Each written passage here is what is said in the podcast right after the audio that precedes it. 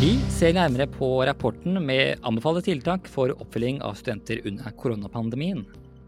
Og vet du hva vestibulitt er? Vi gir deg svaret. Vi gir deg fem positive nyheter fra rundt om i verden for å gi deg litt glede i hverdagen. Og hvordan er det egentlig å leve uten sosiale medier? Vi har prøvd ut digital detox. Hei og hjertelig velkommen til Studentnyhetene her på Radionova denne kjølige, men litt solfylte fredagen. Og ikke la deg lure, denne sendingen ble nemlig tatt opp torsdag kveld. Fra to steder over internett snakker Frida Synnøve Høyås og Ingar Jakob Feiring. Og vi har en rekke saker på lur, og god musikk denne timen. Men aller først er det klart for ukens nyhetsoppdatering.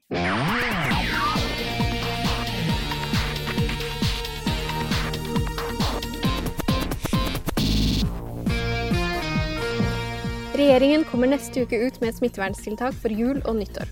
Norge er for øyeblikket i sin andre smittebølge, og på regjeringens pressekonferanse onsdag sa statsminister Erna Solberg at vi må fortsette med de nasjonale tiltakene i tre uker til. Bent Høie sier at alle må ha en plan B for julefeiringen. Dette melder VG. Norske studenter har aldri følt seg mer ensomme. Det skriver Universitas. Hele tre av fem studenter føler seg mer ensomme nå under pandemien. Ifølge Anne Karin Mullali, psykolog og sesjonsleder i psykisk helse ved SIO, har økningen antallet ensomme studenter trolig en sammenheng med at vi fortsatt befinner oss i en krise. Oslo Mets campus på Kjeller skal flyttes før 2023, og det vurderes nå om campuset skal flyttes til Jessheim. Oslo Met har blitt tilbudt tomter av Ullensaker kommune og Harald Kverner Eiendom AS, eh, og av brødrene Ole Christian og Pål Mogenes Furuseth. Neste runde for Oslo OsloMet og interesserte aktører blir tidligst i begynnelsen av 2021. Dette melder Krono. Dette var ukas nyhetsoppdatering, og mitt navn er Frida Synnøve Høyås.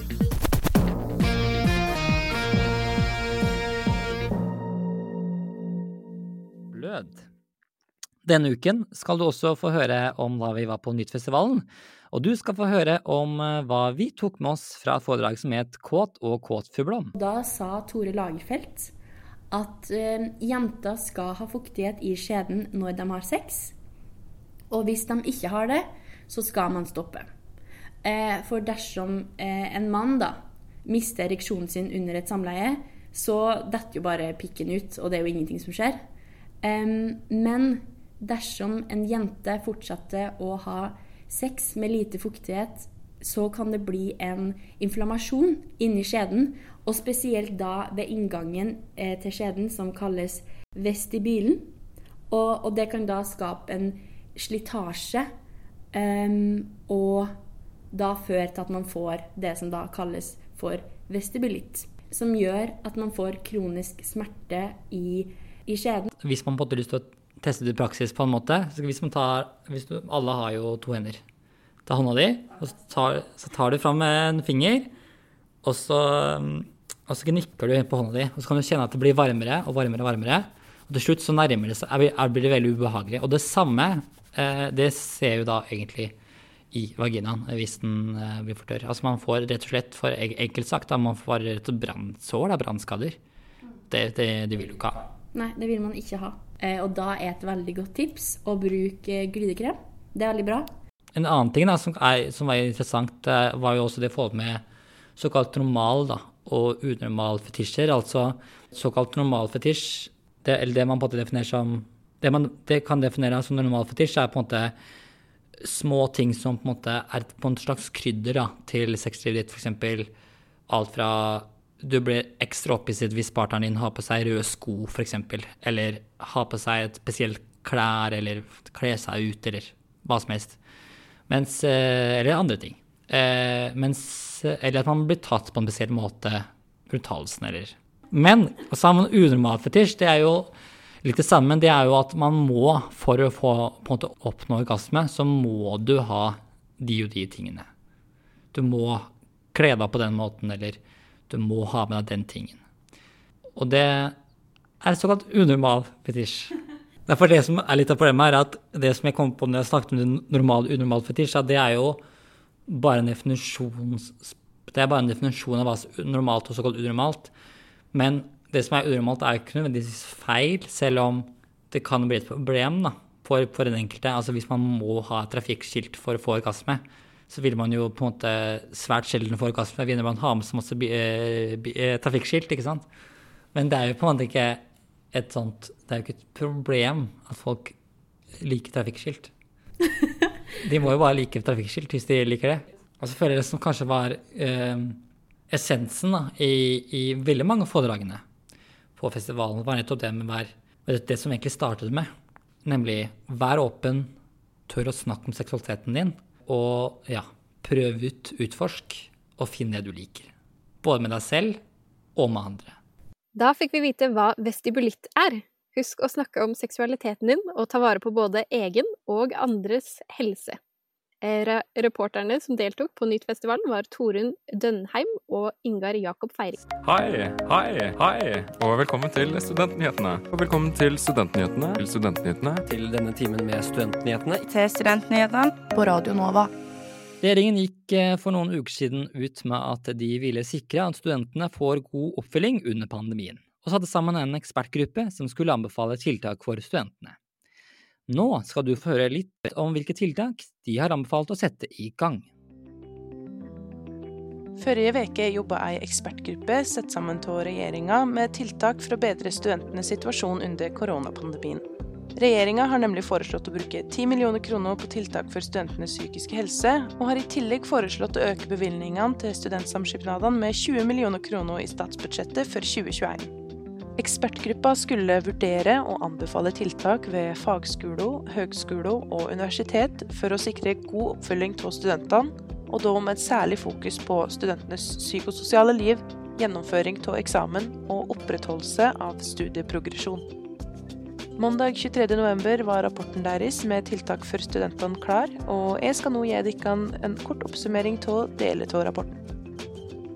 Generelt anbefaler ekspertgruppa å holde lærestedene åpne, og at det i alle fall skal være en høy terskel for å stenge ned all tilgang til lærestedet. Noen studentgrupper har antakeligvis mer behov for fysisk oppmøte enn andre, men alle studenter bør ha mulighet for noe fysisk undervisning på lærestedet. Men dette forutsetter naturligvis at studentene kan følge regler og råd om smittevern. Når det gjelder anbefalinger til utdanningssektoren, mener ekspertgruppa bl.a. at utdanningsinstitusjonene bør sørge for at studentene får systematisert og konsistent informasjon så tidlig som mulig. I tillegg bør de særlig ta et ansvar for å følge opp utenlandske studenter med god informasjon på engelsk.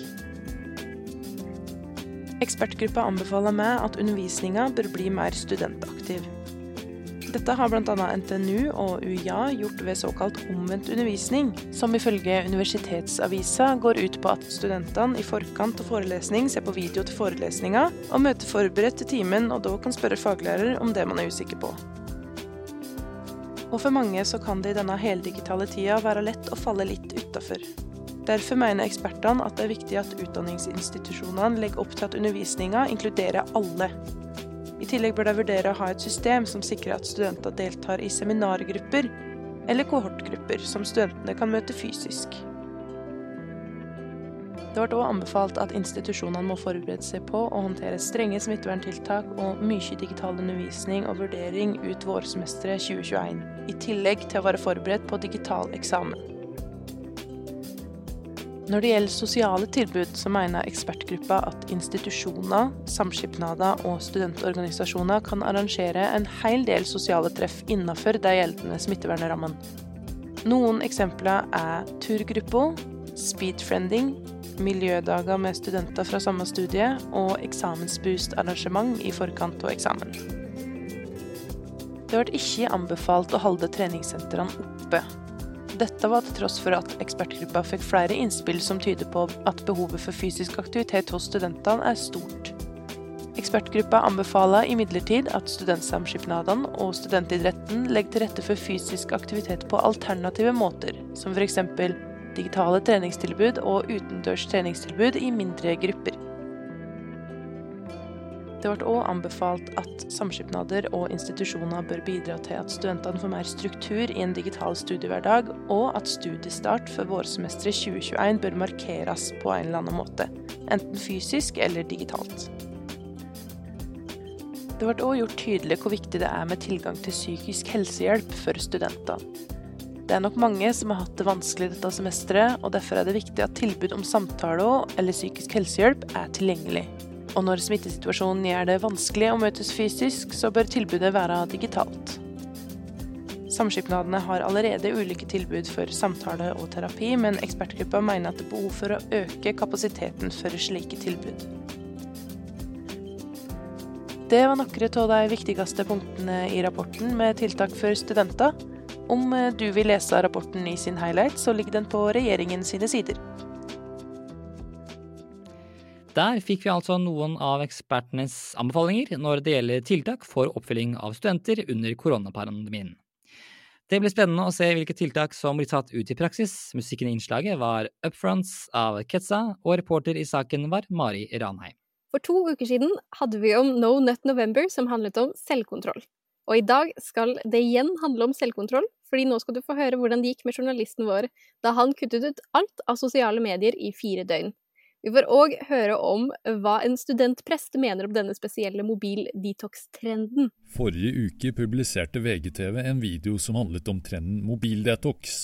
Det er ingen overraskelse at vi bruker altfor mye tid på nett, og det er heller ingen tvil om at smittevernrestriksjonene gjør at vi bruker enda flere timer foran skjermen.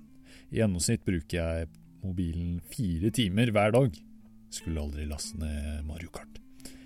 Flere kjendiser har også gjennomført en mobildetox, som Selena Gomez, Ellen Degernes og Justin Bieber. Og for å vise at jeg er minst like kul som Justin Bieber, så skal jeg selv kutte ut sosiale medier og Netflix i fire dager. Jeg skal fortsatt tillate meg å bruke rutebillett-appen og Zoom på dataen til skole- og jobbrelatert arbeid. Så da skulle jeg ha strømsparingsmodus på mobilen og se hvordan det går. Dag én var veldig uvant. Spotify, som jeg bruker til å høre på musikk når jeg tar T-banen til høyskolen, har jeg byttet ut med en bok. Bad Boy Steroids heter den av Anette Munch. Egentlig en veldig kul bok. Ofte tenker jeg at sånn Nå vil jeg sjekke Messenger. Jeg har til og med dratt opp mobilen og prøvd å gå inn på Messenger, men heldigvis hadde jeg jo avinstallert appen, da. Så ikke noe relapse ennå. Dag to så kjente jeg skikkelig på abstinensene da jeg skulle spise frokost alene. Derfor fant jeg meg et gammelt Donald Duck-blad som jeg bladde i mens jeg spiste. Så Donald Duck pluss frokost, det er jeg lik ternekast fire. Brukbart underholdende. På dag tre la jeg merke til hvor mye folk faktisk bruker mobilen. I undervisningspausene var det også lettere å slå av en prat med de som satt rundt meg i auditoriet. Det var jo enten det eller å stirre ut i lufta. På dag fire var det ti ganger lettere å holde seg unna mobilen. Ikke bare hadde jeg mye skole og jobb, men abstinensene generelt virket nesten borte. Så nå er det på tide å bryte mobilfasten min. Men først skal jeg snakke med Pernille, som er studentprest, og finne ut hva hun tenker om denne mobildetoxen. Så først og fremst, Pernille, hva gjør du i jobben din som studentprest? Noe av det jeg gjør mest av, og som jeg også liker best, er å ha samtaler med studenter som deler med meg av livet sitt og det de er opptatt av. Og så tenker jeg at uh, det jeg kan være med å skape på campus, på universitetet, på en livssynsåpen institusjon, det er rom hvor det på en måte går an å lande litt hjemme hos seg selv. Falle litt til ro. Men Pernille, hva tenker du om mobildetox-trenden? Jeg tenker at det er uh, ganske viktig og antagelig ganske krevende for de aller fleste mennesker i vår tid, i vår del av verden. Jeg tror vi kunne trenge, trenge det, i hvert fall i, i, små porsjoner, alle sammen, mye av tiden. Ja, og så er det jo mange som er avhengige av denne mobiltelefonen sin. Så sett fra ditt perspektiv som studentprest, hva mener du om temaet avhengighet? Jeg tenker at de aller fleste av oss er så mye på mobilen at det fyller hverdagen med så mye stimuli at det er vanskelig ofte å, å komme litt i dybden. Vanskelig å få hvilepuls. Så det å innimellom i hvert fall gjøre et lite girskifte og kanskje vende blikket en liten stund innover istedenfor i de der voldsomt hurtige skiftene som hele tiden skjer på en smarttelefon, det tror jeg er sunt for hele mennesket. Er det noe annet du vil tilføye? Jeg tror at noe av det som er eh, både avhengighetsdannende og, og farlig for oss, og samtidig fristende, det er de raske, raske skiftene som hele tiden skjer på en mobiltelefon. Ikke sant? Man får ny stimuli, ny input. Og det er også fristende å henge på, for det samsvarer med, med, hvordan sinnet vårt også veldig lett fungerer fra vi fødes. Ikke sant? Vi er på vakt for å kunne overleve, men så trenger vi også noe annet. Vi trenger å lande hjemme i oss selv. Vi trenger å lande i kroppen. Mens oppmerksomheten vår kan være tusen steder på en gang, så kan kroppen faktisk bare være ett sted av gangen. Så det er noe med å av og til skru ned tempo og komme til stede på en sånn måte at også litt fordypelse går an. Ikke istedenfor å bruke mobilen som verktøy, men i tillegg til. Og da syns jeg det er en vekker når jeg tror det er mange flere enn meg som kjenner at det er litt sånn vanskelig å ikke ta med seg mobilen på do, liksom. Da har det gått litt langt. Vi mennesker vi, vi, er født med evnen til å bli stressa og gå i alarm, men vi er ikke født med evnen til å roe oss ned igjen. At andre mennesker roer oss ned gjennom kontakt og relasjon. Hvis vi tar bort noe så essensielt i et menneskeliv, så tror jeg noe veldig viktig går tapt. Men eh, det å ha sosiale medier og digital kontakt i tillegg, det syns jeg er fantastisk. Ok, da gjenstår det bare å bryte streaken. Døgn fire er fullført, og nå skal vi se hva jeg har gått glipp av. På Messenger har jeg kun gått glipp av meldinger fra 21 ulike personer og grupper. Prøvde også å telle alle meldingene jeg har fått, men jeg ga opp på 400. På Facebook fikk jeg 23 varslinger, selv om jeg sjelden bruker Facebook. Drømmedama har altså ikke spurt meg på date ennå. Søren. Men hvor mange timer sparte jeg egentlig? Jeg brukte i gjennomsnitt 30 minutter på mobilen hver dag, så det blir til sammen to timer på disse fire dagene. Mens i forrige uke brukte jeg altså mobilen i fire timer dagen, altså åtte ganger mer enn det jeg gjorde i løpet av detoxen. Det vil si at om jeg hadde vært gæren og holdt mobildetoxen-streaken i ett år, så ville jeg spart 1277 timer. Og det, det er nok til å lese et nytt språk, da. Men uansett, det var det. Nå har jeg noen meldinger å svare på. Slik var det altså for journalisten vår å leve 50 år tilbake i tid. Og om dersom du også har lyst til å teste ut hvordan det er å legge mobilen til side i noen dager, så finnes det mange inspirerende apper der ute. Tusen takk for intervjuet, studentprest Pernille Aastrup. Reporter i saken var Samuel Berntsen. God studentpolitikk er god eh, fremtidspolitikk. Studentnyhetene. Vi er nyhetsprogrammet av og med studenter. Trenger du kanskje litt gledelige nyheter mens du venter på juleferie? Vi har plukket ut fem hyggelige saker til dere fra den siste uka. I dag skal jeg, Ina Marie Sigurdsen, gi deg fem positive nyheter for rundt om i verden. Som kanskje vil gi deg en liten boost i denne mørke eksamenstida, og kanskje til og med litt framtidshåp for denne vakre kloden vår. Jeg har samla sammen et lite knippe av nyheter fra verdens mest positive avis, Verdens beste nyheter, og søkt litt rundt på nett etter gode nyheter. Og håper med disse oppdateringene at akkurat du kanskje trekker litt ekstra på smilebåndet i dag. Først av alt en positiv sak for CO2-utslippet. USAs mest folkerike delstat og største økonomi, California, vil slutte å selge nye fossile biler, og vil utfase de fra år 2035. I slutten av september sa guvernør i delstaten Gavin Newsom at om 15 år skal alt salg av biler med forbrenningsmotorer i staten stoppes. Alle biler som selges i California skal fra 2035 være elektriske. Og i tillegg vil transportsektoren også kjøre utslippsfrie lastebiler og busser ute på veiene. Dette er første gang en slik lov blir innført i USA. CO2-utslippene forventes å gå ned betraktelig, og de håper òg at dette vil inspirere andre delstater og bilprodusenter til å kjøre en grønnere vei. Så over til en annen nyhet fra The Land of the Free. Yale, et av USAs eldste og mest prestisjetunge universiteter, gjør nå et av de mest populære emnene sine tilgjengelig for alle på nett. Og hvilket kurs kan dette være? Jo, nemlig kurset der du lærer å bli lykkelig. Og det beste av alt, det er gratis. Etter koronapandemiens inntog, altså en tid hvor store deler av verden har gått i lockdown, har mer enn 1,5 millioner mennesker hengt seg på kurset. Og Kurset kommer jo òg i en periode der det har vært mye snakk om denne generasjonens studenter som mer stressa, ensomme og mer deprimerte enn før. Kanskje det kan hjelpe litt på statistikken med en gratis oppskrift på et lykkelig liv? Over til litt vaksinesnakk. Og nei, det er faktisk ikke covid-relatert.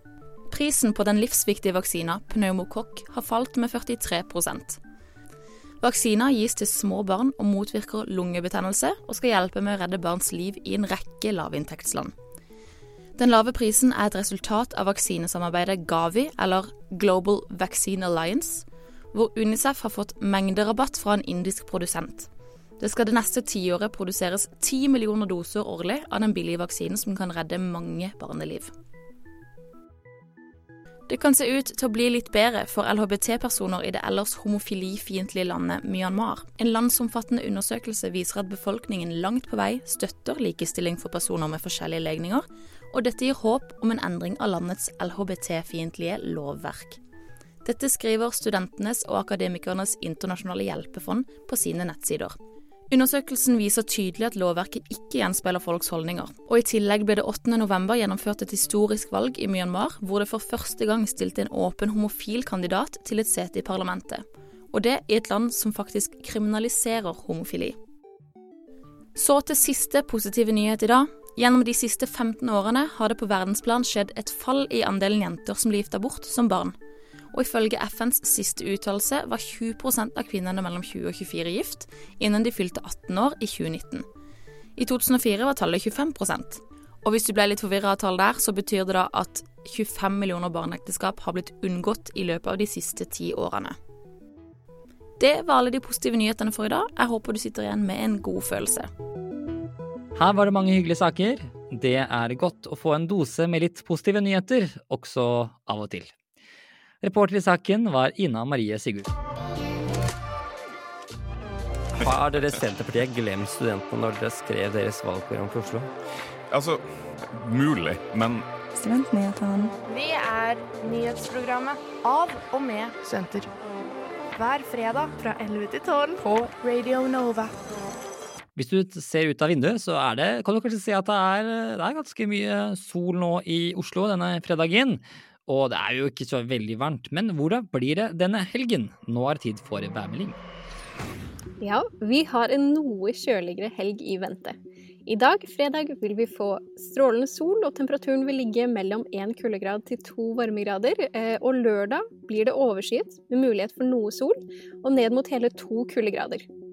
Søndagen blir overskyet, men temperaturen vil stige til hele tre varmegrader. Dette melder Yr. Vi nærmer oss dessverre slutten på Studentnyhetene for i dag, men det betyr jo at det straks er eh, helg. Skal du noe gøy i helgen da, Frida? Ja, Ingar. Du, jeg skal eh, faktisk på julegrantenning eh, på gården til en av søstrene mine med den andre tredje søsteren min. Eh, så det blir ganske koselig. Jeg tenkte å ta med noen s'mores og spise noen pølser og tenne på en gran. ja. Hva skal du i helgen da, Ingar? Vet du hva, jeg skal gjøre litt det samme som deg. Jeg skal eh, treffe noen venner, og vi skal spise julegrøt. Og så blir det noe quiz og noe Ja, jeg vet ikke. Det blir i hvert fall noe godt, eh, godt å drikke, tenker jeg.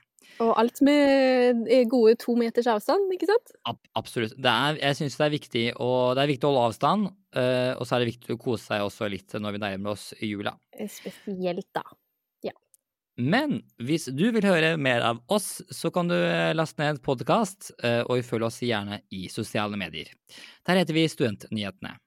Og lytt videre, for straks blir det reprise fra radiotjenesten her på Radio Nova denne fredagen. Vi ønsker deg en riktig god fredag og en eh, god helg. Siden dette er et opptak fra torsdag kveld, så er det Ingrid Koffeing som har klippet til denne sendingen. Over nettet har jeg også hatt med meg Frida Synnøve Høyås. Ha det bra! Og god helg. Her får du A Great Day av Ronja Lynbakk. Du har hørt en podkast fra Radio Nova. Likte du det du hørte? Du finner flere podkaster i iTunes og på våre hjemmesider radionova.no.